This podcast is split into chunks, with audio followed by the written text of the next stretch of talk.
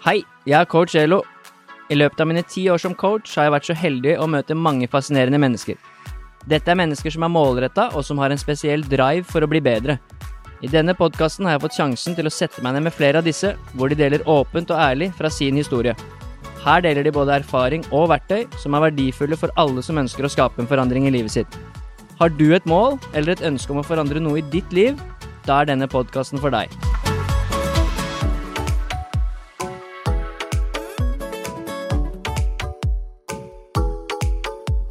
I dag så har jeg vært så heldig å få med meg en kar som, som er fra samme by som meg, eller samme område, og er så å si akkurat like gammel. Han øh, gjør det ganske bra om dagen, men øh, det tok litt tid før han øh, kom dit. Han har en, en, fin og spesiell historie å fortelle, og jeg gleder meg til at dere skal få høre om hans reise. Han er for tiden toppskårer i den norske eliteserien i fotball. Så da er det kanskje allerede noen nå som vet hvem vi snakker om. Han heter eh, Amal Pellegrino og spiller for Kristiansund. Velkommen. Tusen hjertelig. Hva skjer, Amal? Går det bra? Jo, det går veldig bra. Livet smiler, så nå slapper jeg bare i stua, og dattera sover, og kona ser på TV ved siden av her, så kan ikke klage. Datteren sover, for du har blitt far for ikke så altfor lenge siden? Ja, ja, blitt far. Jeg har en jente som eh, nå fyller eh, ett og et halvt år eh, hvert øyeblikk. Så ja, det er gøy, det. Det er kult. Og det går ganske bra på fotballbanen dagen nå? Ja, det Per dags dato toppskårer. Hva er det? Har 21 mål på 23 kamper. Det er godkjent? Riktig. Ja, det er godkjent. Jeg er fornøyd med sesongen, men ja, jeg er ikke helt ferdig, så jeg er ikke helt i mål ennå.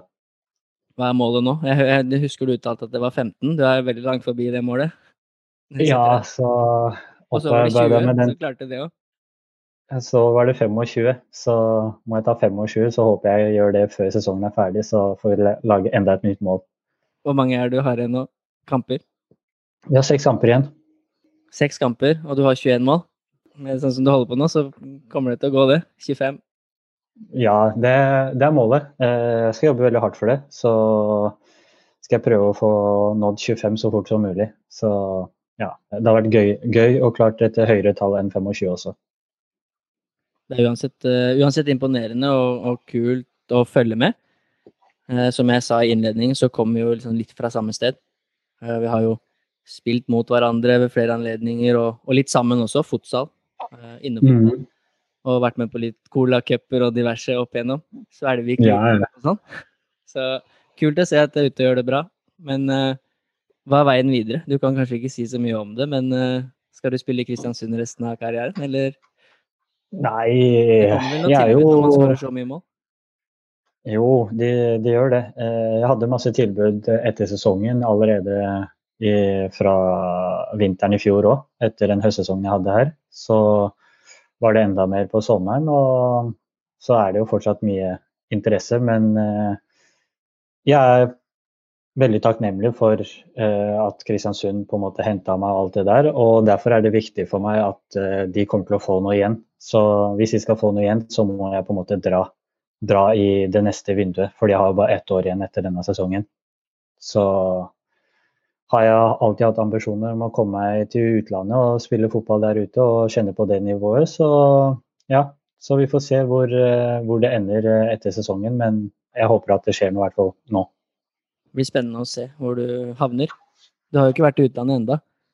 Men eh, Nei. du er jo i likhet med meg 30 år, så det er jo kanskje på tide snart, hvis du skal ut. Ja, det er nå eller aldri. Det er i hvert fall den tankegangen jeg har. Jeg har ikke lyst til å bare dra for å være ute et år. Jeg har lyst til å dra og så være der et par år, og så kanskje vende tilbake igjen. Vi får se. Er planen, planen å ta med familien da, eller eh, vil de være i Norge? Nei, nei, nei. nei. Eh, jeg reiser ingen steder uten, uten, familien, så det er veldig viktig for meg å på en måte være der og være med på datteren min sin oppvekst og være, der, være til stede for henne. Så det hadde ikke funka at jeg hadde bodd 20 timer unna med fly, og de hadde bodd i Norge. Så nei, det, jeg vet at jeg ikke hadde trivdes så godt, og da hadde det på en måte vært vanskelig å ha fokus på fotballen også. Så det, er, eh, det blir en eh, pakkedeal. Det blir alle eller ingen, da? Ja, absolutt. Det gjør det. Men det blir spennende å se. Jeg gleder meg til å se først og fremst eh, hvordan sesongen ender. Det er jo seks kamper igjen, så du har tid til å skåre litt mål. Men uh, i dag så skal vi jo prate litt om egentlig deg og din historie. Og du er jo litt i vinden om dagen. Det er ikke bare at du skårer mål, men du har jo vært med på, på Lindmo og snakket litt om den nye Stopp rasismen som du er en del av, og som er eh, aktuelt om dagen, dessverre. Og som det har vært. Men eh, historien din er jo likevel interessant. Litt sånn hvor du kommer fra, og det tok litt tid da, før du slo gjennom som fotballspiller.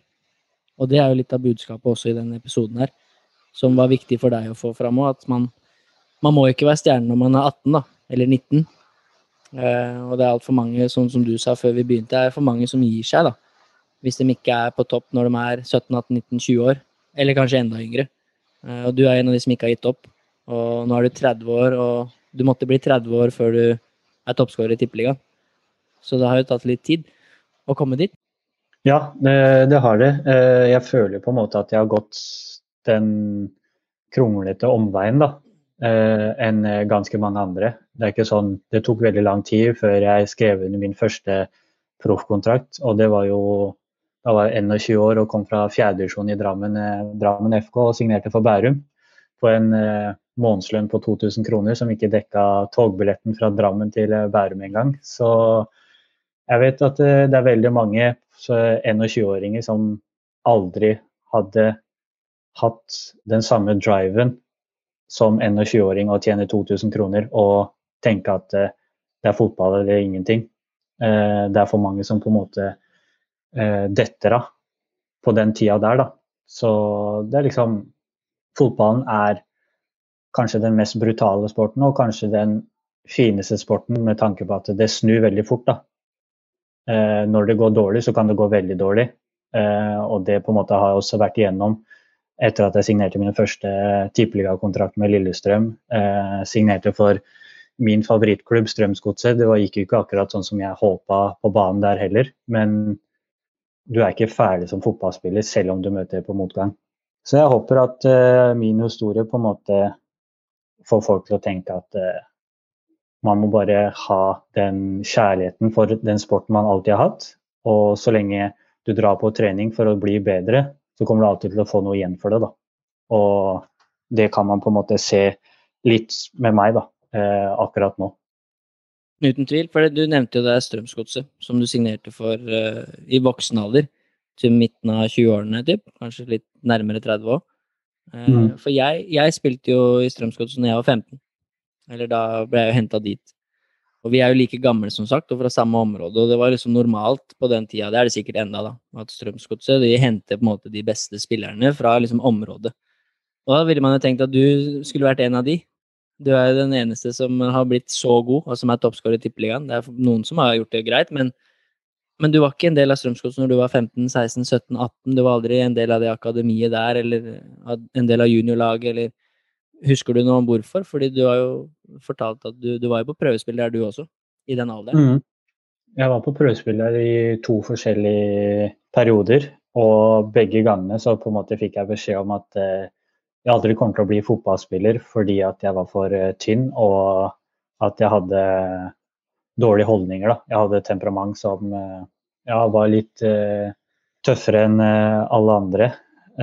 så det var på en måte grunnen til at jeg aldri signerte for begge de to største klubbene egentlig i, i Drammensområdet. Og det samme beskjeden fikk jeg jo på en måte i Mjøndalen også.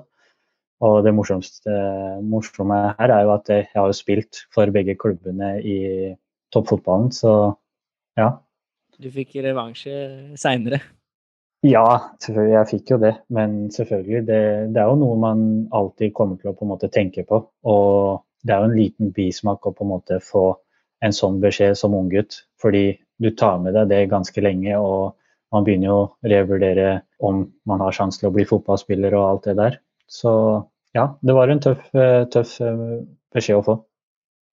Men eh, klarer du å huske hva det gjorde med deg når du fikk beskjed Du var jo ikke gammel når du fikk beskjed av Strømsgodset at du var for tynn, eller du kom ikke til å bli fotballspiller, og du hadde feil holdning og temperament og alle sånne ting, men husker du hva det gjorde med deg? vurder, som du sa, revurderte du liksom ok, jeg kommer ikke til å bli fotballspiller, dette er ikke for meg, eller ble du mer gira liksom at jeg skal vise dem hvem jeg er, og at jeg også kan bli god? Du, du vet at uh, du aldri kommer til å bli profesjonell fotballspiller hvis du spiller for Åskollen Drammen FK. Du vet jo det, fordi at det er en klubb som er A-laget er jo i, langt nede i divisjonene.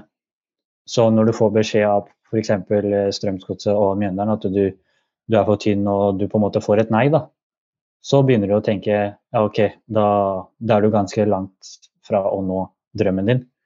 Og da får du jo tanker om at ja, du er ikke god nok eh, og alt det der. Men jeg hadde jo på en måte I mitt hode så var det fotball hele tiden. Om jeg var på skolen, så var det fotballspiller jeg skulle bli. Det var det kontante svaret jeg alltid hadde til lærerne.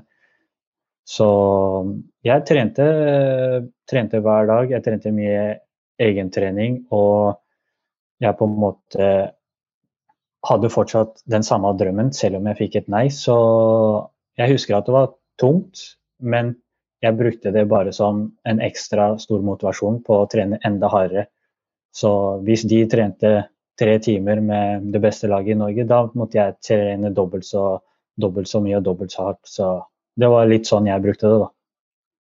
Ja, fordi man går jo glipp av liksom litt uh, Du er jo et eksempel på at man kan bli god likevel. Men man går jo glipp av litt sånn de årene der, da, når du er 14, 15, 16, 17, 18 Hvis du ikke blir en del av på en måte, hva skal si, et akademi eller et, elitelag, så går du glipp av litt de der grunnleggende på en måte, tingene å lære da, i fotball som du måtte lære litt på egen hånd. Fordi, ja, som du sier, du blir jo ikke fotballproff i Åskollen. Eller du ble jo det seinere, men du kan ikke være der for alltid. De spilte i fjerdedivisjon, og det blir, det blir jo ikke det samme som å ha den treningshverdagen man har i en, en toppklubb, da.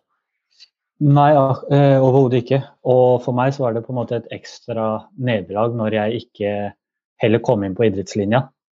For jeg tenkte jo alltid for å bli fotballspiller så må du være på idrettslinja. Fordi alle som er på idrettslinja er på en måte er jo de beste i landet og, og sånne ting. Og jeg husker at det var veldig flaut eh, å være Og liksom ha den drømmen og målet om å bli fotballspiller, og så går du på byggfag på Åssiden, og alle andre er på, på Marienlyst der og, og, trener på stadion der og spiller for eh, Strømsgodset og Mjøndalen. Så det, det, var, det, var, tøft, men eh, fortsatt så tenkte jeg liksom greit, eh, de trener jo fotball på skolen.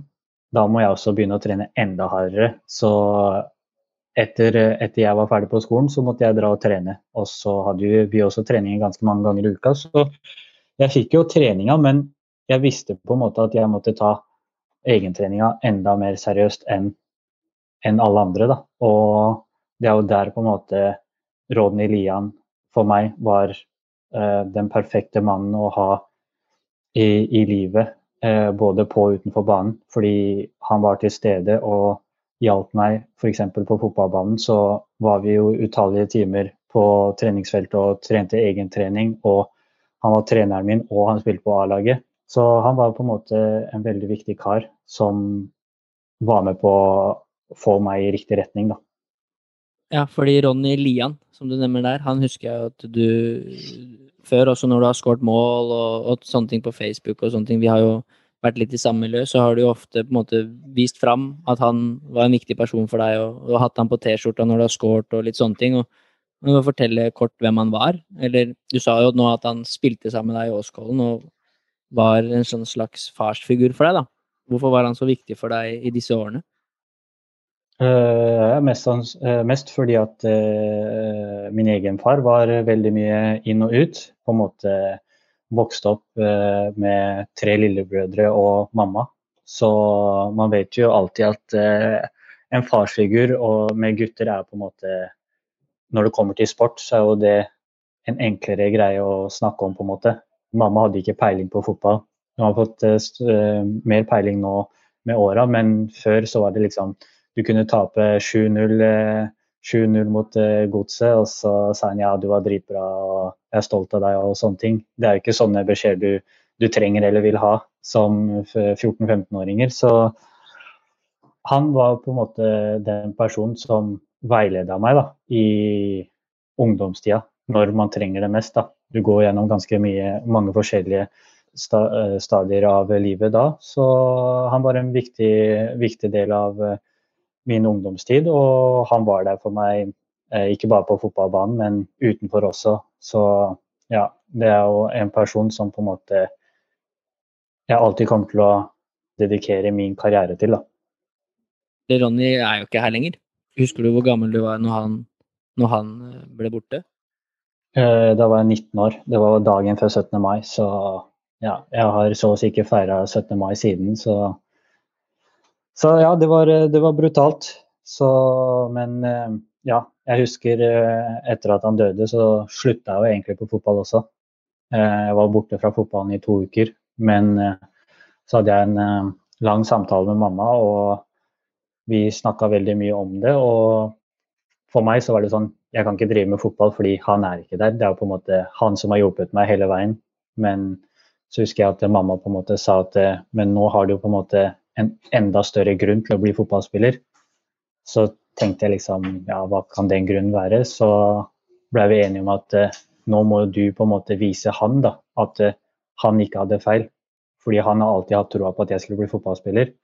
Så da var det veldig viktig for meg at ja, greit, det er oss to mot resten. Så nå må jeg bli fotballspiller, for, ikke bare pga. meg, men pga. all den tiden han brukte på meg. da. Og det er jo noe han ikke fikk betalt for. Det gjorde han fordi at uh, han hadde stort hjerte og han brydde seg om meg. Og for meg den tida der, det var på en måte veldig rart, fordi at uh, jeg alltid har hatt på en måte det stempelet om at jeg er ja, drittunge som på en måte er vanskelig med å gjøre. Men han følte ikke noe på det i det hele tatt. Han gjorde det bare fordi at han hadde troa, og at han likte meg som person. Og jeg er jo ganske sikkert at han hadde vært stolt av det du holder på med om dagen nå. Det er ikke noe tvil Ja, nei, jeg får jo høre det. Jeg fikk jo nylig melding fra moren hans, og ja, de, de er på en måte stolte av hvor langt jeg har kommet, og alltid på en måte satt pris på Eh, den kjærligheten jeg har hatt til han. Så ja, det er bare veldig hyggelig på en måte at eh, folk får eh, huske han da på en veldig god måte. Ja, det skjønner jeg godt. Men det er jo Du har hatt mye motgang, da. Eller du har i hvert fall vært gjennom en del ting som kanskje ikke alle andre har vært. Men tror du på en eller annen måte at alle de tingene her har gjort deg sterkere? Det har gitt deg en fordel, da, kontra de som kom til godset når du var 14-15. Du har jo blitt bedre enn alle oss som var der. Så noe riktig har du gjort. Eh. Men når man får alt det, så blir man 18-19, da kanskje begynner å få litt motgang, og da har du kanskje en fordel, fordi du har jobba veldig hardt på en annen måte. Eller kanskje litt men mentalt sterkere og har en annen drive, da. Enn de som har fått hva skal du si, gåstein litt mer i fanget, da.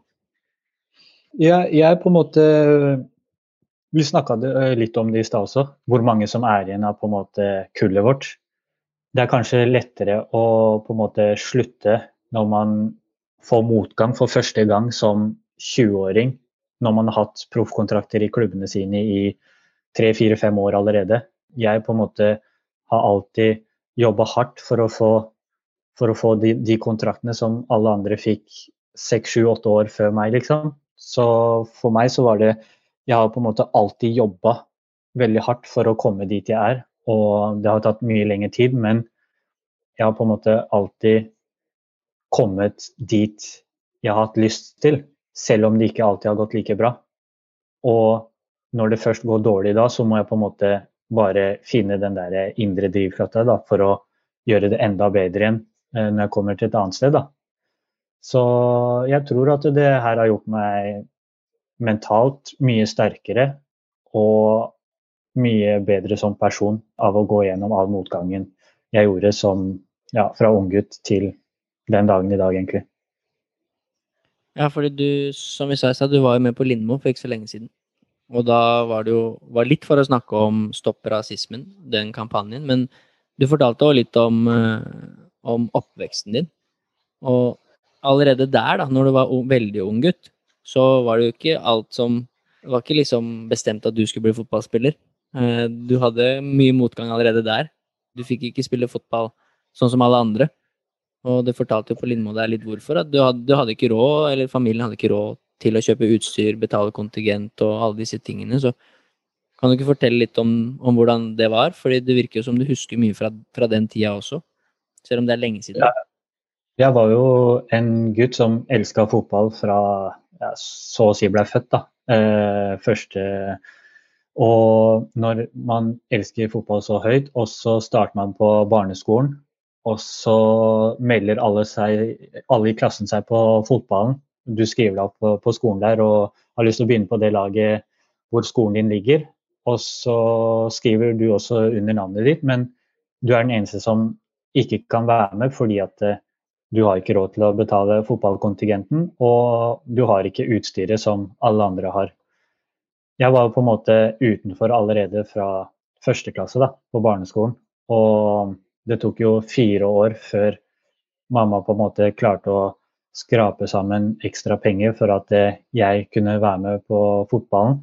Og jeg husker jo første treninga mi, så hadde ikke jeg på en måte fotballsko eller no, noe som helst. Jeg var med på fotballtrening i vanlig joggebukse og vanlig ja, fin genser og joggesko, liksom. Og alle andre hadde Nike, Nike-sko, Adidas-sko og leggskinn og hele den pakka. Så jeg følte allerede i veldig tidlig alder at uh, det var ting som ikke, ikke, var likt her, da. Og det er jo på en måte ting du ikke skal på en måte vite da, som så ung. Det, det, var, det var tøft å ikke være med, men jeg på en måte skjønner jo også bildet også. Eh, moren min på en måte hadde ikke like bra jobb som mange andre, og vi var fire gutter. og Det er viktigere ting i, fotballen enn at én uh, unge skal, skal uh, ha det gøy etter skoletid. Du var litt utafor allerede der, og det er jo ikke noe man skal optimalt oppleve som barn. Men, men du fortalte der også at du Allerede der så måtte du ta grep sjøl, eller du tok grep fordi du skulle bli god til å spille fotball. Så du trente jo likevel. Det var ikke sånn at ok, da, da blir ikke fotball på meg, da. Da gikk du og trente likevel, men du trente med brødrene dine og på bussholdeplassen og i, i gården hjemme, liksom. For å prøve å ta igjen for at du ikke fikk vært med å trene med de andre på laget, da. Mm. Uh, jeg vet ikke hvor, hvor, hvordan jeg klarte å tenke sånn som så ung gutt, men jeg tror at uh, oppveksten min har alltid på en måte Jeg var veldig voksen i veldig ung alder. Jeg passa på brødrene mine veldig tidlig fordi at mamma måtte jobbe og sånne ting. Så jeg tror at eh, jeg var mye mer voksen i hodet enn det jeg egentlig var. Og så hadde ikke vi bil eller noe sånt, så jeg måtte jo gå hjem fra skolen selv om det ikke var lov. Du fikk jo ikke lov til å gå hjem før du starta i fjerde klasse eller, eller, et eller annet sånt, men jeg gikk jo hjem fra skolen etter jeg vet ikke, noen uker etter eh, jeg starta på barneskolen. Så men jeg sa bare at eh, eh, mamma er nede med bilen og venter på meg, så jeg gikk bort dit og bare venta på at alle lærerne snudde seg. Så løp jeg andre veien. Og så gikk jeg bort til eh, teggeren ved siden av skolen for å se gutta trene etter skoletid. Og tenkte jeg må prøve å gjøre de øvelsene, jeg også. Så tok med meg lillebroren min opp på bussholdeplassen på Hedensrud og starta egentreninga der. Og det var jo sånn min fotballkarriere starta. Da. Det var jo der jeg starta treninga mi på asfalten. Så, så jeg måtte bare gjøre det beste ut av det. Ja, det har du gjort, da, egentlig hele livet. Så det står det stor respekt av. Det, det, er kult. Det er en kul historie, da. På den tida der, hadde du noe Husker du om du hadde noen liksom, idoler, eller hadde du noen, noen spillere som du liksom så opp til, som ga deg motivasjon eller inspirerte deg liksom Jeg skal bli like god som han, eller var det noe som drev deg der? Hadde du plakater på rommet og sånn? Var du den typen, liksom? Nei, eh, vi hadde aldri kanaler til å se fotball, eh, fotball på TV. Så det, jeg fikk veldig seint idoler. Men de to første spillerne jeg husker, det var jo Harald Martin Brattbakk fra Rosenborg og Jon Carew når han spilte i Valencia. Det var på en måte de to største spillerne jeg visste om. da. Eh, og det var jo ganske seint. Jeg tror det var sånn sjette sjette klasse på barneskolen eller noe sånt. Det var da jeg begynte å få litt fotball fra TV-en i blodet. Så ja, det hang litt etter der også. Så, men eh, jeg husker alltid at jeg hadde Strømsgodset. Strøm, Strømsgodset visste jeg tidlig om, fordi alle prata om det på skolen. og jeg fikk være med på noen kamper eh, pga. Eh, foreldre på laget tok meg med. Så godset på en måte var, fikk jeg en kjærlighet til for eh, ganske tidlig. Så du husker, eh, du husker Osman Nian og de gutta der, da? Jeg husker Osman Nian, Mathias Andersson, Keio Husko, ja, Adam Larsen, Peter Kovacs. Ja, det, var, eh, det er mange. Ja. Men husker du, før vi skal gå litt videre, hva er det som fikk deg så interessert i fotball, da? Hvis du ikke fikk se det på TV? For det er vanlig at man, man så det på TV, da. Sånn var det i hvert fall for meg. Og vi er jo like gamle at jeg så gamle Ronaldo da, på TV, og, og Henri og Rivaldo, alle disse gutta her, så, som gjør at liksom, jeg skal bli like god som han. Men ja, du hadde jo godset, som du sa, da. Men husker du noe ja. annet fra? Hvorfor var du så interessert i fotball, hvis du ikke så det noe sted og, og hadde noen å se opp til, på en måte? De første åra så på en måte fikk jeg fotball inn i blodet pga. pappa. Jeg og pappa spilte mye fotball, og så på en måte ble jeg bare så opphengt etter, i den fotballen og begynte å knuse lamper og alt sånn i stua. Så det var vel hjemmefra eh, hvor jeg fikk eh, den, min kjærlighet for fotball. Og så, og så ble på en måte han litt av og på i livet, så usikker på hvordan jeg klarte på en måte å være så glad i fotballen eh, såpass tidlig. Eh, I hvert fall når man ikke ser så mye på fotball og sånne ting. Så ja, godt spørsmål. Du har jo opparbeida deg, for de som følger med på fotball, noen liksom ekstremferdigheter, da.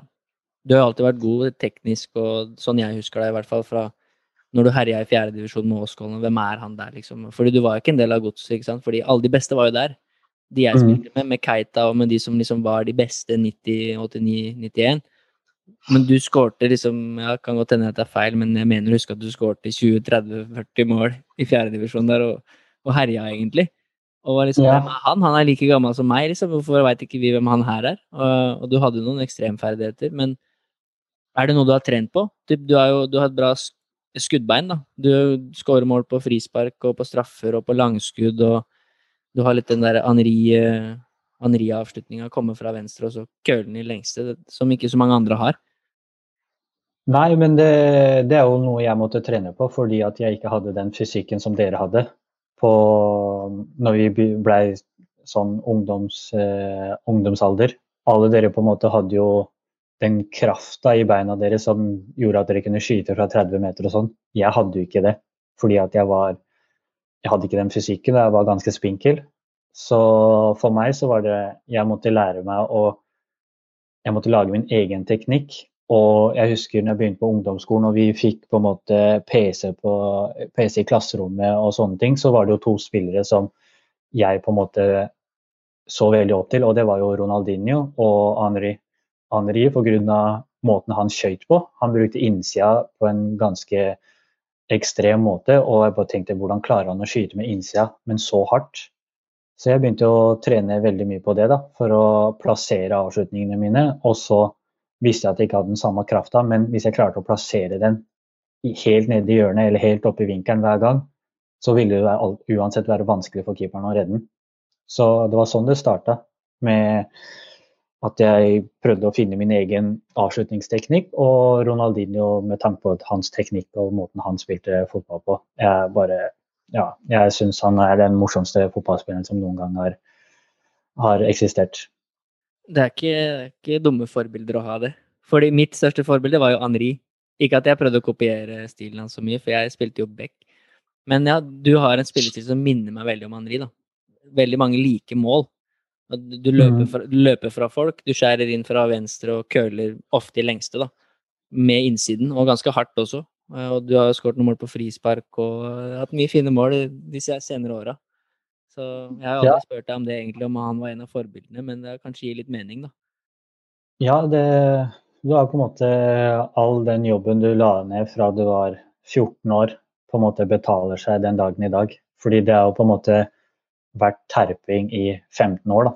Eh, det er jo ikke sånn at eh, jeg ikke trener på det her. Jeg gjør jo det til den dagen i dag. Jeg står igjen etter hver trening og terper utallige ganger og prøver bare å få den beste avslutningsmåten og teknikken som jeg kan ha, på en måte. Og den er ganske bra. nå. ja, den er uh, on fire for tiden. den er ganske bra om dagen. Når du var 21, rundt der, så gikk du til Bærum. Det husker jeg. Det var egentlig da jeg begynte å få litt øynene opp for hvem du var. Fordi som sagt, jeg spilte i Godset og var i den bobla der. Og møtte liksom juniorlagene til Stabæk og til alle de. Liksom, vi spilte ikke mot Åskollen, vi. Det var ikke vår målestokk, på en måte. Men jeg husker du gikk til Bærum når du var 21, og vi spilte en sesong mot hverandre. Og når jeg spilte i Asker, det var vel kanskje 2013 eller noe sånt, når vi var sånn 2-23. Da rykka, mm. rykka, vel Bærum opp og slo oss med to poeng eller et eller annet sånt.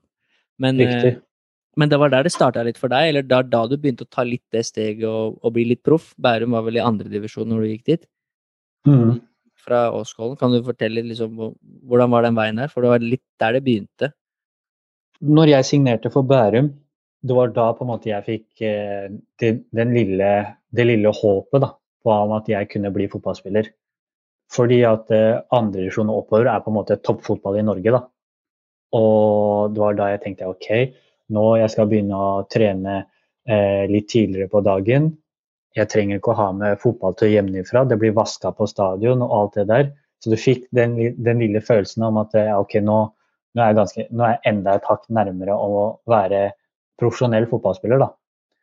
Eh, lønna var ikke det, den aller beste, men eh, det var fortsatt eh, fasilitetene, det med at du hadde fysioer til hver trening, du hadde flere trenere på feltet, og den biten der. Eh, vi hadde til og med lege på laget, liksom. Så hvis du var syk, så måtte du ringe legen og fortelle hva som var greia, og ha dialog med dem. Og det, det, var veldig stort for meg, da. Og da var jeg 21 år.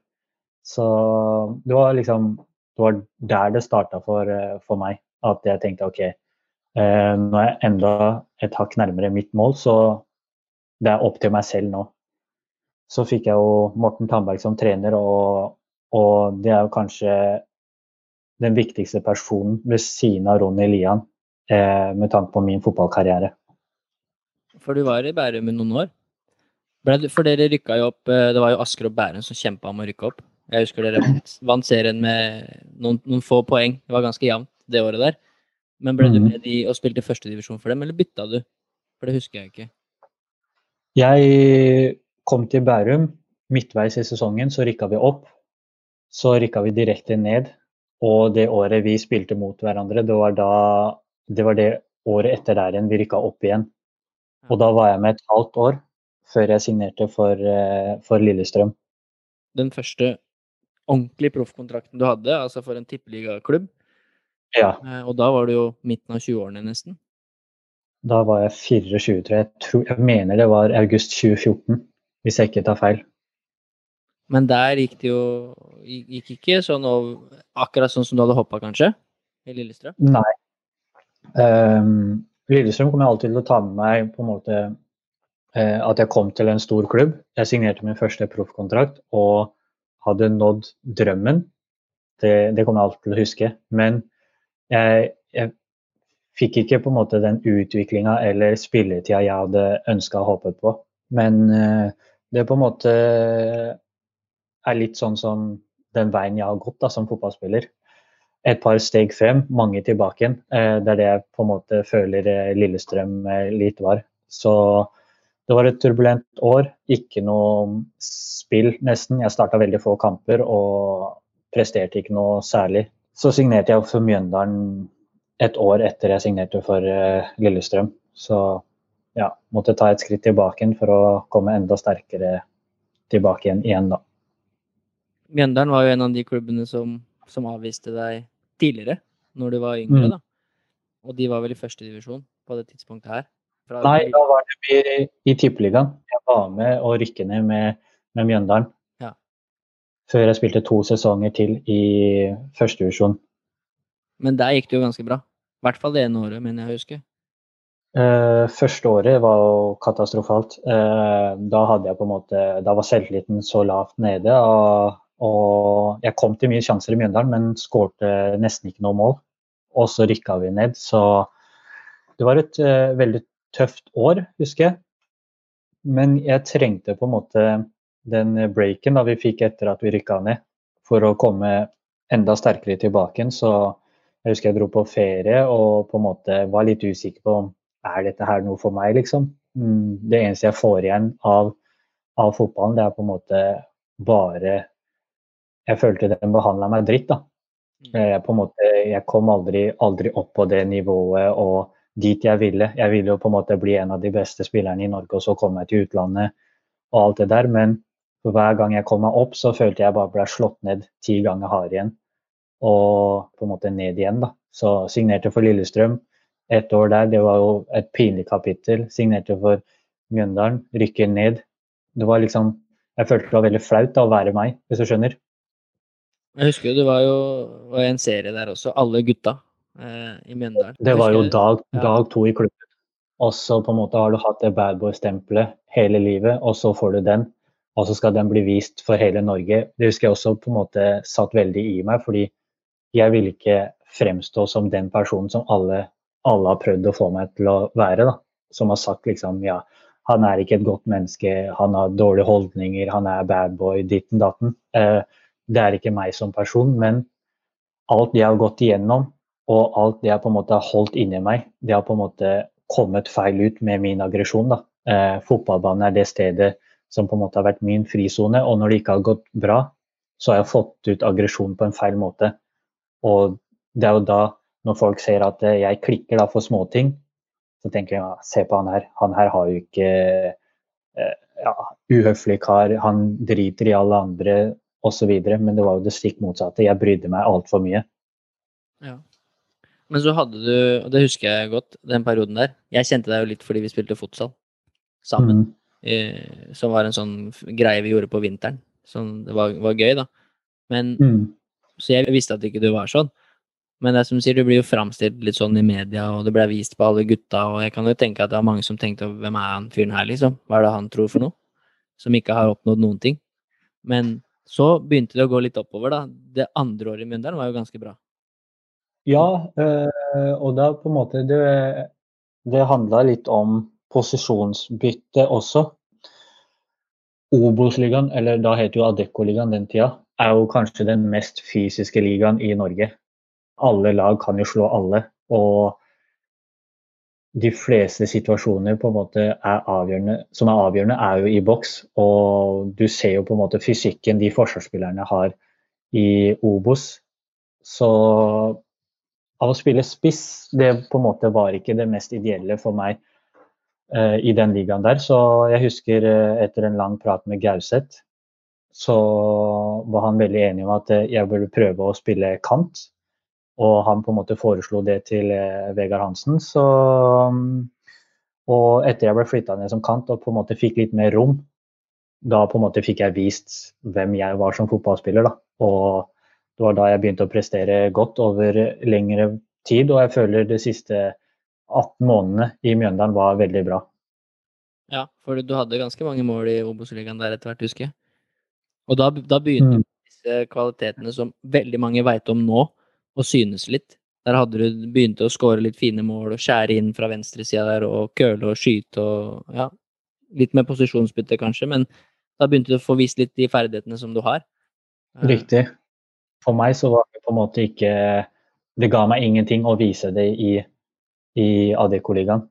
Fordi det på en måte var ikke den ligaen man skulle vise det. Eh, det er jo det her jeg måtte vise i den høyeste divisjonen for å på en måte bevise folk at eh, jeg var en god fotballspiller. da. Så for meg så var det bare en oppvarming, da. Jeg husker ikke kanskje eksakt, du må bare rette på det, men du var Mjøndalen, og så gikk det veldig bra det året der i, i Obos. Og så ble du henta til Godset, eh, som på en måte var egentlig det som var din klubb, som du kanskje har drømt å spille om, og, og som du fulgte med på som liten. Så gikk Mm. du til Godset, men også der så gikk det jo kanskje ikke sånn som du hadde håpa, da. Du fikk jo ikke den eh, Det var kanskje, ja, Mjøndalen veldig bra, og så opp et hakk, da, og så var det noen steg tilbake igjen. Litt sånn Mm. litt med Lillestrøm, kanskje. Du gikk opp, fikk spille for din drømmeklubb, og din klubb egentlig, også, men så gikk det ikke så bra, og så var det noen steg tilbake igjen. Ja, det, det er helt riktig. Jeg hadde veldig masse forskjellige tilbud fra ja, ganske mange eliteserieklubber, men når Godset kom på banen, så, så var på en måte Det var gjort da, liksom. Eh, jeg sa jo til agenten du trenger ikke å forhandle med noen klubber. Han var veldig sånn han ville ikke at jeg skulle gå til Godset, fordi at uh, Strømsgodset var jo De hadde tre bra spillere som kunne spille venstrekant. Tokmak, Bassel og Ulland Andersen. Og det er jo ikke bare bare, det er jo to av dem er i utlandet, og han, andre er i, og han tredje er i, i Molde. Så alle vet at de er fantastiske fotballspillere. Så allerede der så burde jeg på en måte tenkt Kanskje ikke det mest ideelle, men for meg så var det godset. Fordi at eh, det var noe jeg hadde alltid ønska om og drømt om siden jeg var liten. Så jeg på en måte betalte på en måte litt den prisen da, av å dra til en klubb med så mange gode fotballspillere, og havna egentlig mest på høyrekanten da, når jeg først spilte en del. Og på høyrekanten så føler jeg ikke man, jeg får ut mitt potensial, da. I godset på den tida var det jo mange av de samme menneskene som var der på den tida hvor du ble avvist. Jeg skal ikke nevne noen navn, men mange av disse, jeg vet jo ikke hvem dette gjelder heller, men mange av de samme menneskene, i hvert fall, trenere, folk som jobber i administrasjon osv., var jo fremdeles mm. i godset. Mm. Husker du om du hadde noe prat der, eller hva, følte, var du noe bitter overfor de at liksom, ok, nå vil dere hente meg, liksom, men dere ville ikke for ti år sia? Nei, jeg husker, jeg husker, på en måte at uh, det eneste jeg tenkte, er at uh, nå har jeg endelig enda en sjanse da, for å motbevise folk som på en måte har driti seg ut alle åra og sagt at jeg aldri kommer til å bli tippeliga-eliteseriespiller. Så det var bare for meg på en måte en lettelse og for all den jobben jeg hadde gjort i alle åra og endelig komme til eh, den klubben der. Og det var derfor det var så viktig for meg å på en måte signere for Godset, fordi det var min barndomsdrøm. da. Så jeg husker at eh, jeg ikke tenkte så mye på det, men jeg husker når jeg snakka med Jostein, at uh, han sa ja, vi har jo fulgt med på deg i, i, alle år og vi har syntes det har vært spennende. Så sa jeg jo, da passa jeg på å på en måte si ja, eh, dere sa jo at jeg ikke var at jeg var for tynn og hadde for dårlige holdninger. Men det, det, er jo ikke han som på en måte hadde sagt de ordene, men det var jo fra hans klubb det kom fra. Så det var på en måte Jeg følte at det var en seier for meg å signere for Strømsgodset der og da. Ja, sånn at uh, Strømsgodset var, var, jo en, var en drøm for deg å spille for den klubben. Sånn at som du nevnte, så tok du jo kanskje et valg der som, som var kanskje litt basert på følelser, da. Og hva den den klubben representerte for deg og, og, din drøm, kontra det som kanskje hadde vært riktig for, for utviklinga di, eller neste steg i karrieren.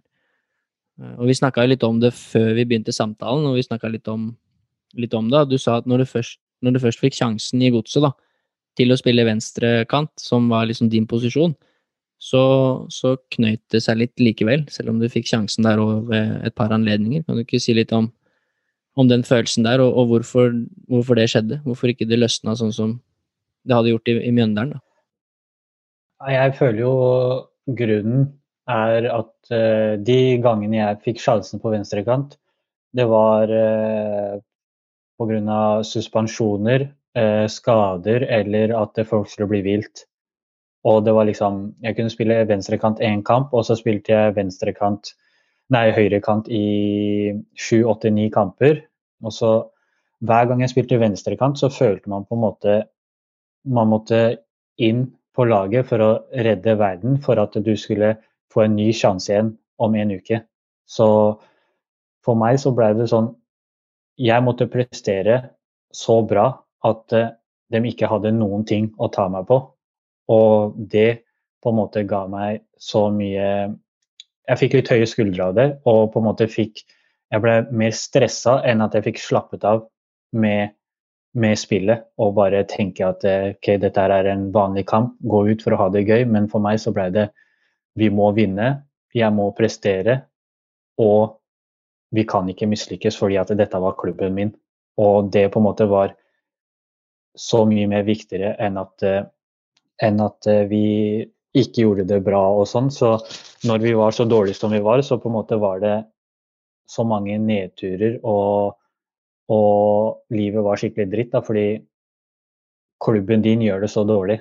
Og når du først taper da, så var det så, det var så tungt. Så det tok veldig lang tid før man på en måte var lykkelig igjen da, ute i uka for å, for å være Ja, for å si det sånn.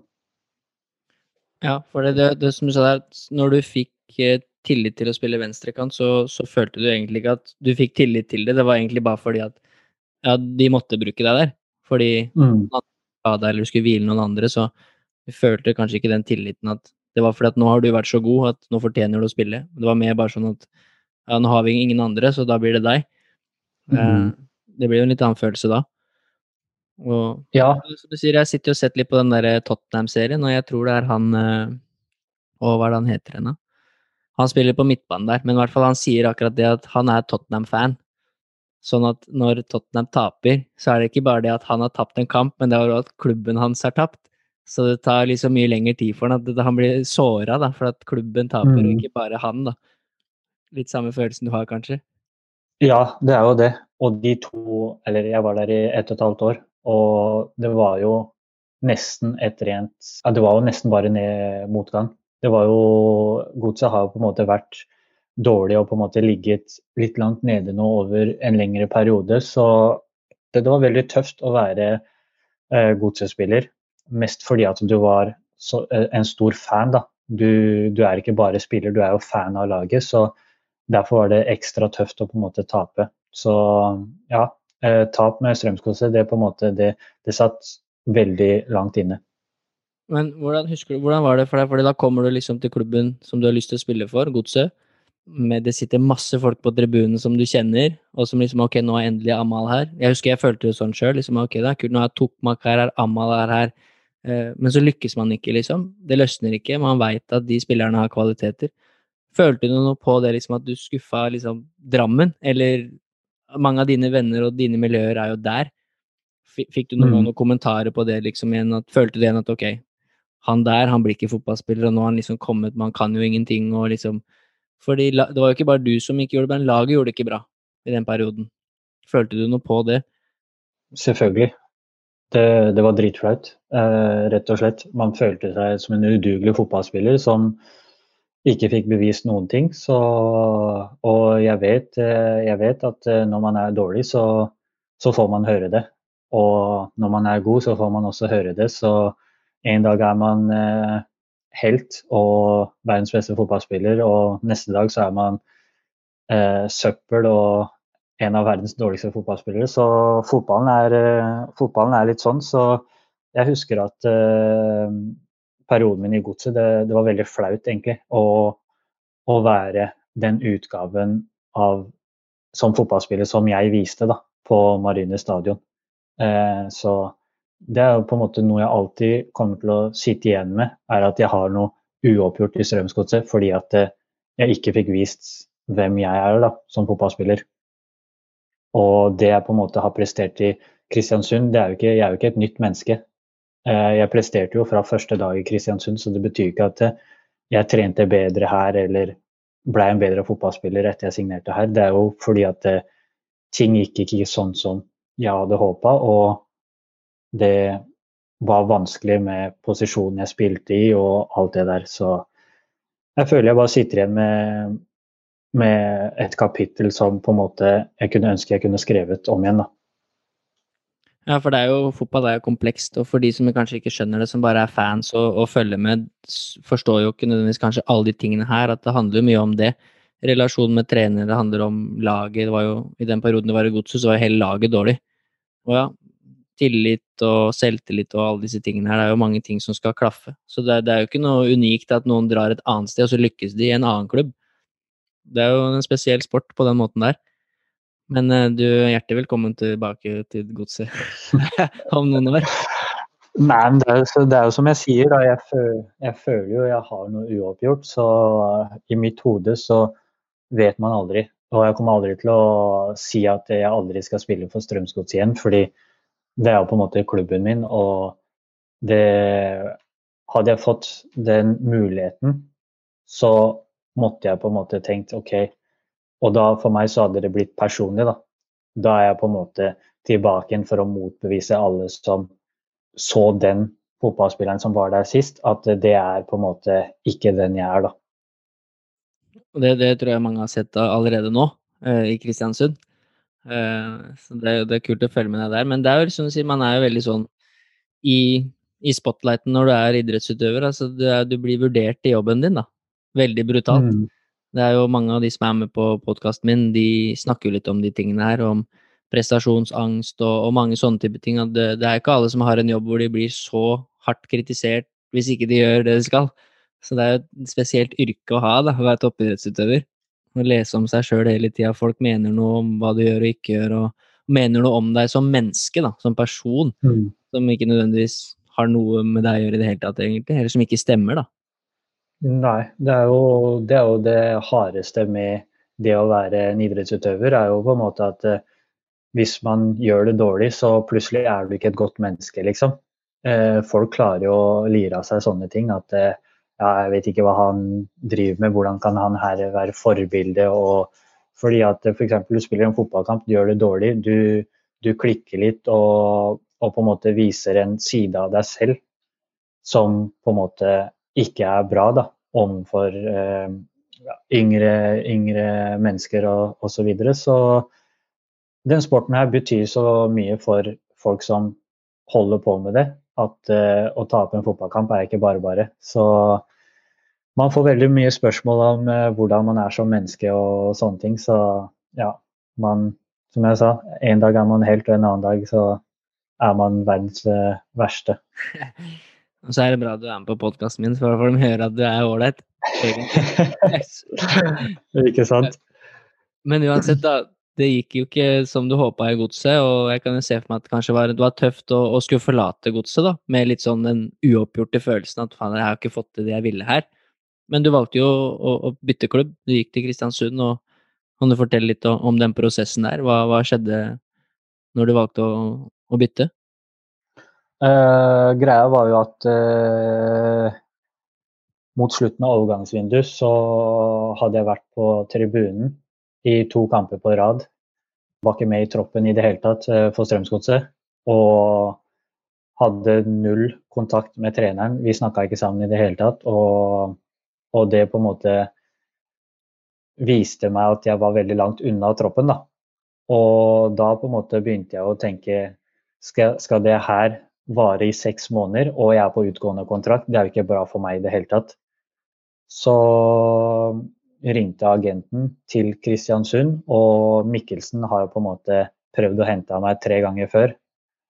Og når jeg fikk vite at eh, Kristiansund hadde lyst til å prøve å hente meg, så var på en måte det en veldig stor trygghet for meg, da, fordi jeg visste at det var en trener som var fan av meg som fotballspiller og hadde prøvd å hente meg før. Så det var et veldig enkelt valg å ta.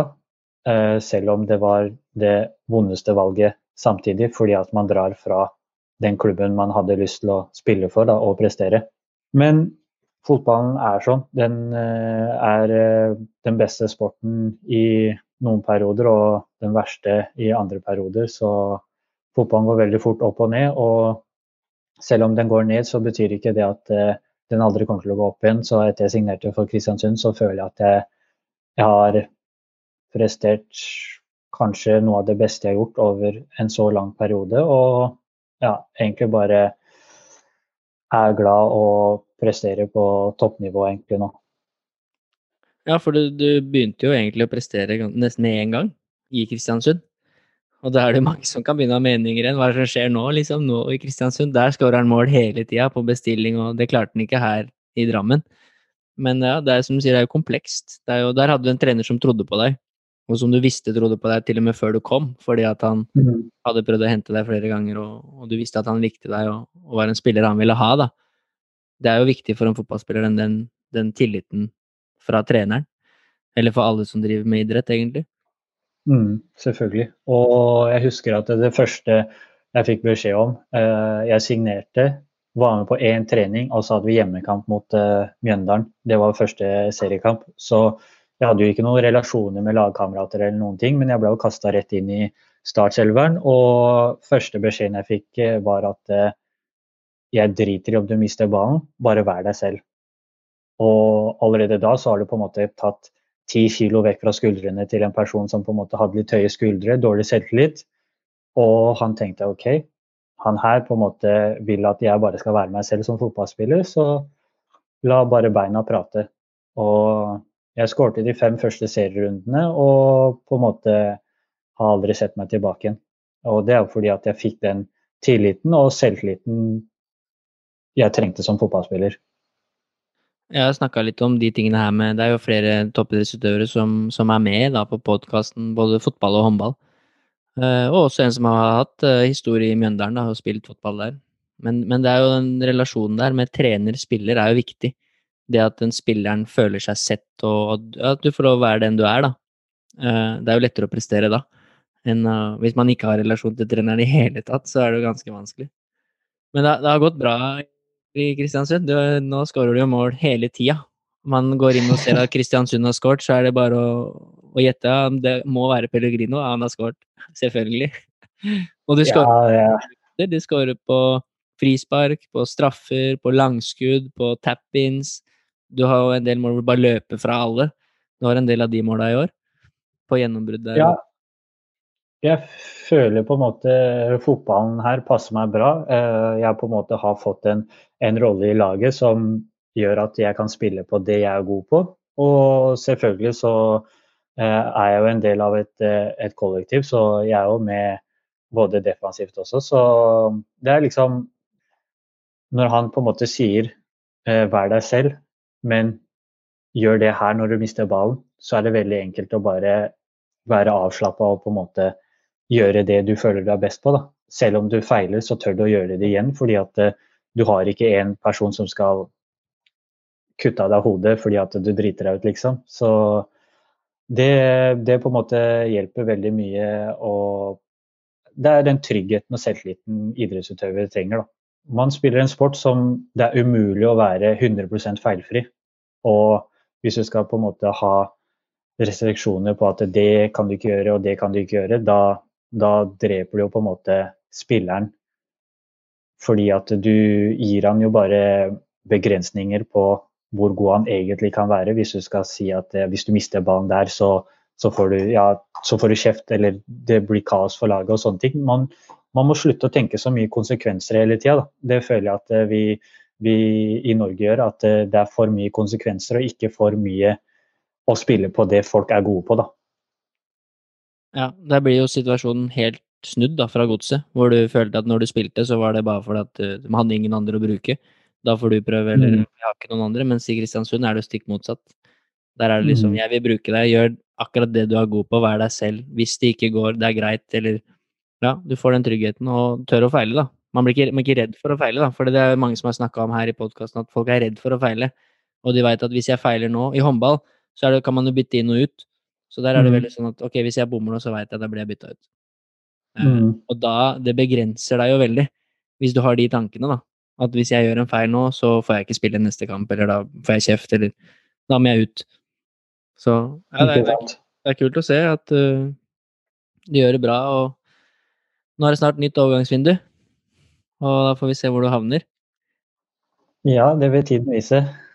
Så jeg har jo, har jo, mine ambisjoner om å komme meg ut. Og hvis Kristiansund noen gang skal få noe tilbake igjen, så, så, er det nesten nødt til å være i dette vinduet. Og for meg så er det veldig viktig at de skal få noe, fordi de på en måte henta meg når jeg var langt nede og virkelig ville satse på meg. da. Så jeg har ikke lyst til å være som veldig mange andre i, i disse tider som på en måte går ut kontrakten og skal få mest mulig ut av en pakke til seg selv. Da. Så jeg har veldig lyst til at Kristiansund skal få noe, så jeg håper at eh, de kan bli enige med en eller annen klubb som jeg også har lyst til å dra til. Ja, Det er bra, fine tanker å ha. Det viser jo at du er en bra kar her også. Eh, så ja, det blir spennende å se hvor du havner hen. Men du har jo hatt da, etter den, det du har fortalt nå, en, en, karriere, egentlig et liv, da, som har gått opp og ned. Som mm. Alle har jo det, men din karriere har vært veldig mye opp og ned, og det har tatt kanskje litt lengre tid enn for mange andre. Og du er en av de som, som ikke har gitt opp, og fortsatt, og nå er du liksom 30 år og toppskårer i Tippeligaen og endelig liksom fått vise hva du er god for, sånn ordentlig, i Norge i hvert fall. Men så er det jo litt andre ting som har gått opp og ned òg. Uh, dette med Stopp rasismen, som er en sånn kampanje du er med på nå, som du var på Lindmo og prata om, det er jo en annen greie, som også en, har blitt dessverre en del av fotballen, og fremdeles er det, Ikke bare i Norge, men i England og, og mange andre steder. Og det er ikke så lenge siden du var i, i media på det, for at du ble utsatt for det igjen for ikke så veldig lenge siden. Mm. Og hva ja, Kan du si litt om det her? Hvordan dette har prega deg som person, fotballspiller, og hvorfor det fortsatt er på fotballarenaen? Hvorfor dette fortsatt finnes? Det er for meg veldig merkelig i 2020, men realiteten er jo at det fortsatt er der. Og folk Mm. blir utsatt for det. Uh, hovedproblemet er jo at det er jo fortsatt den dagen, eh, eller fortsatt i 2020, et stort samfunnsproblem. Uh, dette er jo ikke noe som på en måte er et problem kun i fotballen. Det her er jo overalt i hele verden. Og vi blir ikke kvitt det her før vi klarer å på en måte utdanne mennesker til det bedre. Og det, det på en måte starten er jo å utdanne mennesker til å på en måte forstå ikke bare konsekvensen, men på en måte hva mennesker gjør med et menneske når de kommer med, med rasistiske bemerkninger eller annen slags diskriminering. Da. Så når det skjedde med meg, så på en måte du føler deg jo veldig liten, og du føler deg jo ikke like mye verdt som alle andre der og da. Og jeg er veldig glad for at det skjedde med meg eh, nå i den alderen jeg er i, og ikke for fem år siden. Fordi jeg vet at jeg hadde reagert helt annerledes. Og måten jeg hadde reagert på da, hadde på en måte ikke vært positivt for min egen del. Fordi at eh, du får så mye aggresjon inni deg, og har jo lyst til å gå til fysisk angrep på den personen. Og det på en måte i seg selv hjelper jo ingenting. Du, da gjør det jo bare situasjonen enda verre, og du får det mennesket til å seire ut av den situasjonen. Så at det skjedde nå, er på en måte det jeg er glad for, fordi at eh, da på en måte kunne jeg bruke min stemme og, og på en måte håpe at eh, den neste generasjonen og de yngre menneskene nå skal få lov til å slippe å gå gjennom det jeg har gått gjennom på en måte hele min oppvekst og fram til nå, da. Ja, for det, det snakka du litt om når du var på TV, og, og disse mediesakene som har vært. At du opplevde det her også når du var, når du var tenåring. At det var liksom når du spilte kamper og var 14-15-16 osv., så, videre, så så var det foreldre da, på, mm. på det andre laget osv. Som, som kom med sånne bemerkninger, og det er jo ja, vanskelig å sette seg inn i. Jeg har jo, er norsk, jeg har jo litt utenlandsk utseende, fra Sør-Korea, men det er ikke så tydelig, da. Som det er med, med deg eller mange av de som jeg har vokst opp med, Mm. med Keita og med Tokmak og med, med alle de som jeg spilte med. Det er jo Mm. mange med utenlandsk opprinnelse som, som bor i Drammen, og som spiller på klubbene rundt omkring der. Uh, kan du fortelle litt om hvordan det var liksom, det å oppleve når du var ung, da? Når du er, som du sier, da, når du er 14-15, eller kanskje yngre òg, opplever det. Da er man jo ikke Ja, man klarer kanskje ikke å reagere Nei, det Jeg som person har alltid vært veldig lukka eh, helt fra barndommen. Når ting skjer med meg, så på en måte tar jeg det inn, inn til meg selv, og så bare lukker jeg det der. Og det er jo der badboy-stempelet mitt kommer, da. At jeg har så mye lukka i meg selv. Et stort raseri. Og så når det først kommer ut da, så kommer det ut helt feil. Det kommer ut eh, på helt unødvendige måter og helt andre settinger enn der det egentlig burde kommet ut og på en måte blitt diskutert der og da. Men du lukker det, du holder det inne i tre-fire-fem uker, og så skjer det en situasjon på en fotballkamp, og så klikker det for deg der. Og det er jo fordi at eh, du har gått igjennom masse ting de foregående ukene som har vært. da. Og så ja, det Problemet mitt er at jeg alltid lukka det inne og aldri snakka om det. Og det er liksom derfor jeg på en måte har hatt lyst til å snakke høyt om det, er for at eh, alle andre mennesker skal vite at eh, det går an å snakke med folk rundt seg om problemet, ikke hold det inna, fordi det, det går bare utover deg selv. Og der er det litt derfor også denne Stopp rasismen har starta, eller denne kampanjen som, som du var og snakket om. Og det er kult at du velger å bruke stemmen din, fordi er jo, nå er du jo en profil.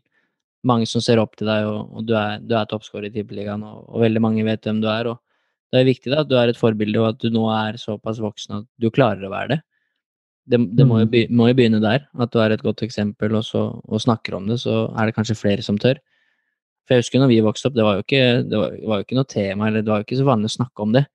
Men det var sikkert veldig mange som ble utsatt for det. Men det var jo ikke så mange som ville snakke om det, eller som kanskje klarte. det. Nei, men sosiale medier nå har jo en sinnssyk drivkraft, da. På vår tid så var det ikke Vi tenkte jo aldri på noe Instagram, eller det fantes ikke noe særlig sånne ting som folk prata om, eller prata på på den tida. Så sosiale medier er jo på en måte Hvis du sier noe der, og, og folk ser det, så på en måte Ja, så får folk tanker, liksom. Eh, og det, det, trengs ikke bare aviser nå. og Alt kommer ut på en eller annen måte nå. Så, og der, der føler jeg idrettsutøvere har en veldig viktig stemme, fordi vi er forbilder for yngre mennesker, for andre mennesker som følger med på sporten osv. Så, videre. så vi har en veldig stor stemme. Og jeg syns vi som mennesker bør benytte oss av den stemmen når det handler om forskjellige ting som ikke er rett, eller, eller positive ting og, og, sånne ting. Så det på en måte får andre mennesker til å, til å tenke, tenke, positivt. Og, og ja eh, Vi kan på en måte være de som baner vei for hva som er rett og galt. da. Ja, har du, har, har du fått noen reaksjoner på det fra etter det som hendte da, mot Ålesund der? hvor du ble utsatt for det, og du tok det opp med en gang og, og snakka om det i media, og du la ut litt på Instagram og sånn, og, og vært nå da på Lindmo og sånn og prata om det. Har du fått noen reaksjoner? Er det at folk syns folk det er bra at du gjør det, eller er det noen som kommenterer det? Ja, jeg har jo 99% av all feedback jeg har fått, har bare vært positivt. Selvfølgelig kommer aldri til å være kun positivt. Det er jo alltid noen som skal prøve å tråkke deg enda lenger ned og si enda mer dritt, liksom. Men det på en måte, det bryr jeg meg ikke noe om, fordi det er jo folk som på en måte gjemmer seg under falske navn og falske kontoer og, og sånne ting. Men all den kjærligheten jeg på en måte har fått fra alle motstandersupportere også, det på en måte bare beviser at uh, vi på en måte er samme type mennesker som på en måte har lyst til at verden skal være like rettferdig for alle sammen. Da. Og når du ser alle som på en måte tok avstand fra, det, avstand fra det som skjedde, og så mye støtte jeg fikk. Og det på en måte viser bare at ja, vi, vi er ett folkeslag, og eh, urett skal på en måte beseires sammen. Og det er på en måte det jeg sitter igjen med etter at jeg valgte å gå ut med det. Ja, for det har jo vært eh det har, vært, det har, jo vært stort nå i hele verden, som du sier. Du har jo hatt denne Black Lives Matter, og det, det er jo mange, mange, steder hvor det, dette er veldig i fokus. Og der, der, er jo sosiale medier og positivt, da. Fordi man får en så sterk stemme og kan fremheve det og, og snakke om det. Så det er jo kult ja. at du gjør, da. Men uh, før vi skal avslutte litt sånn etter hvert, du får noen uh, interessante spørsmål, så er det noe mer du har på hjertet, sånn om om din historie og din vei, eller om dette med, med stopp rasismen og sånn. Har du noen, noen, oppfordringer til folk, eller noe du, du, vil snakke om? Før du skal få et par spørsmål til slutt her. Hei, det, det her er jo på en måte veldig viktig for meg, for jeg har jo blitt eh, pappa. Og jeg på en måte vil jo at eh, dattera mi skal leve et mye bedre liv enn det jeg på en måte hadde. da. Og slippe på en måte alt det dritt jeg gikk gjennom. Og den neste generasjonen skal på en måte få det mye enklere. Eh, om det er sport eller eh, andre slags jobber, at eh, du skal komme på jobb eller komme til eh, sporten du elsker og på en måte ikke tenke at eh, det her kan skje. At du bare har de samme tankene som en helt annen vanlig nordmann har. Så det er jo hovedgrunnen til at jeg har valgt å, å snakke så høyt om det. Og så føler jeg at eh, vi mennesker på en måte kan starte med å på en måte Når man hører noe, så er det på en måte bare å ta, ta det opp der, der og da. Eh, hører man om noe som ikke er, eh, er pent å si, eller ikke er riktig i dagens samfunn, så er det på en måte bare å bruke stemmen sin. da. Fordi stemmen vår er på en måte den største drivkraften i hverdagen til mennesker. Så om det er rasisme, annen slags diskriminering, religion, legning, alt det her, det er jo ting som på en måte ikke bør være et tema i 2020. Så jeg oppfordrer egentlig bare mennesker til å si ifra når de er, er der og hører, hører, noe som på en måte ikke er riktig. da. Og Det er et bra tips, som jeg håper at det er flere som, som tenker over framover. Og det er det jo helt sikkert, for er, det blir jo mer og mer fokus på det her, som, mm. som er veldig bra. Uh, men du var inne på det litt uh, Husker jeg i den der du sa at uh, dette er noe helt annet, da, men at du, du, hadde en drøm om å kjøpe et hus til moren din. Mm. Det òg stammer jo litt fra hvordan du vokste opp, da. Og at dere ikke hadde råd til, hadde råd til kontingent og fotballsko. Jeg kan regne med at for deg er det ganske viktig at, din, at ditt barn får råd til alle disse tingene her, og får de mulighetene som kanskje ikke du hadde, da. Men uh, Ja. Selvfølgelig. Eh, og det, det, handler ikke bare om eh, mitt barn, det handler om hele familien. Så på en måte ble jo veldig voksen ganske tidlig. Så jeg prøver på en måte å hjelpe familien så godt som mulig. på en måte At uh, vi på en måte også skal ha et så godt liv som overhodet mulig. Så det er jo derfor på en måte fotballen alltid har vært så viktig for meg. Og det har på en måte vært min måte å betale tilbake igjen til mamma en dag, håper jeg. Så jeg er ikke helt i mål, men jeg håper jeg er der snart, så hun skal få det huset sitt. Men Det blir et utenlandsk eventyr der, så kanskje blir det større muligheter for sånne ting. Ja, det, det er målet, og det er håpet. Og da skal dere alle slå dere til ro i Drammen, ikke sant? Og spille på godset. Ja, vi, vi, har jo Det vil tiden vise, men man skal aldri si aldri. Nei, det blir spennende å se. Men en fin, fin drøm å ha, da. Det, det igjen sier også litt om deg som, som person, da. At, uh, at, du vil gjøre det, og, og, fortsatt har det som en drøm. Og det kommer du helt sikkert til å klare. Men uh, et par spørsmål helt til slutt, da. Som er yes. det, det er spennende. Så det, det er tre, tre, spørsmål, og det ene er jo det, det, er jo litt Det sa du jo litt nå, men, men mer dette her på, på, en fotballspiller, da, som har lyst til å bli god. La oss si han er 12, 13, 14, 15, 16, 17 år, eller hva det måtte være. Eller 18, 19, og kanskje enda ikke har mm. slått igjennom. Hva er liksom Hvis du kan gi et tips eller to til en ung spiller, det kan være gutt, det kan være jente, og det trenger ikke være fotball, men som har en drøm om å bli god, men som kanskje fortsatt ikke har kommet helt dit, for det er litt motgang, eller man får beskjed om at man ikke kan bli god, eller det er ikke for deg. Hva, mm. hva er tipset ditt til disse unge sjelene som har disse drømmene? Uff, eh, får du på en måte Du skal aldri egentlig få at du er ikke god, eller du kommer aldri til å bli fotballspiller, håndballspiller, basketballspiller eller hva det enn skulle være. Eh, det på en måte føler jeg man aldri skal si til et barn. Fordi du, ikke, du blir ikke den personen du er hvis du er 14-15 år. Eh, man kan alltid utvikle seg, så jeg vil bare si til den yngre generasjonen at eh, husk at du driver med det her fordi at du elsker det, og fordi at du har alltid drømt om det. Og det er kun du som velger hvor langt du har lyst til å nå.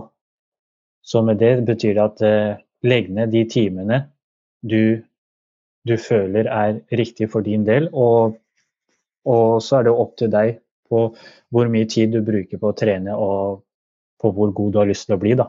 Så uansett hva folk sier, så er det opp til deg da, hvor, hvor god du har lyst til å bli. Men du må ville det selv. Ikke alle andre. Det er ikke de som må ville det for deg, det er du som må ville det. Så vær glad i sporten, Tren, tren mye, og husk å ha det gøy. Det er gode tips. Da blir du toppskårer i Tippeligaen en dag, kanskje. Veit aldri. Jeg vet. Uh, og det neste, da, er uh, Det er ikke sikkert det handler om fotball. Men uh, det, det, stiller jeg til alle da, som er med, de to siste spørsmålene. Og det første er hva, hva, du er mest stolt av i livet ditt akkurat nå. Hva jeg er mest stolt av i livet mitt? Eh, det må vel være å være pappaen til eh, dattera mi Alicia. Ja, det er et bra svar. Ja, det er jo det Famili jeg er mest Familie først. Familie først. Ja, selvfølgelig. Familie aller først. Ja, det er gøy. Og hun var ett år? To år?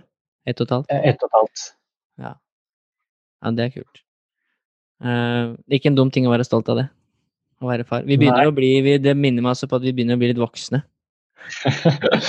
ja. Uh, man er, som fotballspiller så er man ikke i den bobla at man tenker at man er så gammel, men eh, man begynner, begynner å dra litt på åra nå, faktisk. Vi er ikke 14-15 og spiller Cola Cup lenger, dessverre. Nei, absolutt ikke. det var tider. Ja. Og det, det, siste, det siste er Der kan det det- også hende du drar noen eh, paralleller mot det vi har snakka om, men jeg stiller et spørsmål, og du skal lage et spørsmål. Eller en oppfordring, Okay. Så hva, hva er det du mener at vi medmennesker burde spørre hverandre om oftere i den verden vi lever i nå? Ja, eller si til hverandre oftere, eller ja.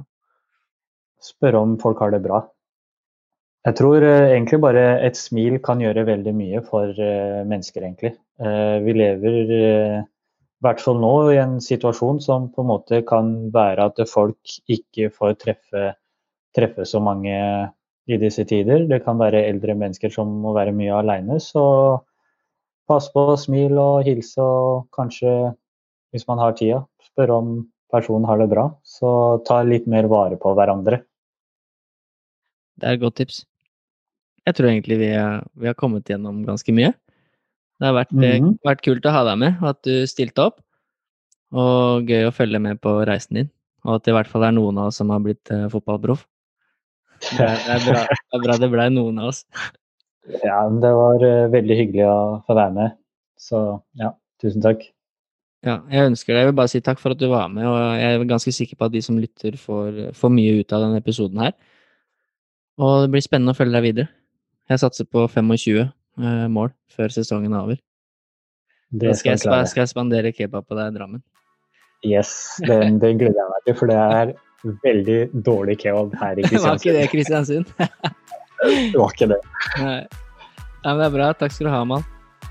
Jo, bare hyggelig. Takk selv. Tusen takk for at du har satt av tid til å lytte. Det setter jeg stor pris på, og jeg håper at du sitter igjen med noe verdifullt. Hvis du ønsker mer inspirasjon til trening og helse, følg meg, coach Elo, på Instagram. Der kan du også stille meg spørsmål, samt komme med tilbakemeldinger til podkasten. Du finner lenken i episodebeskrivelsen.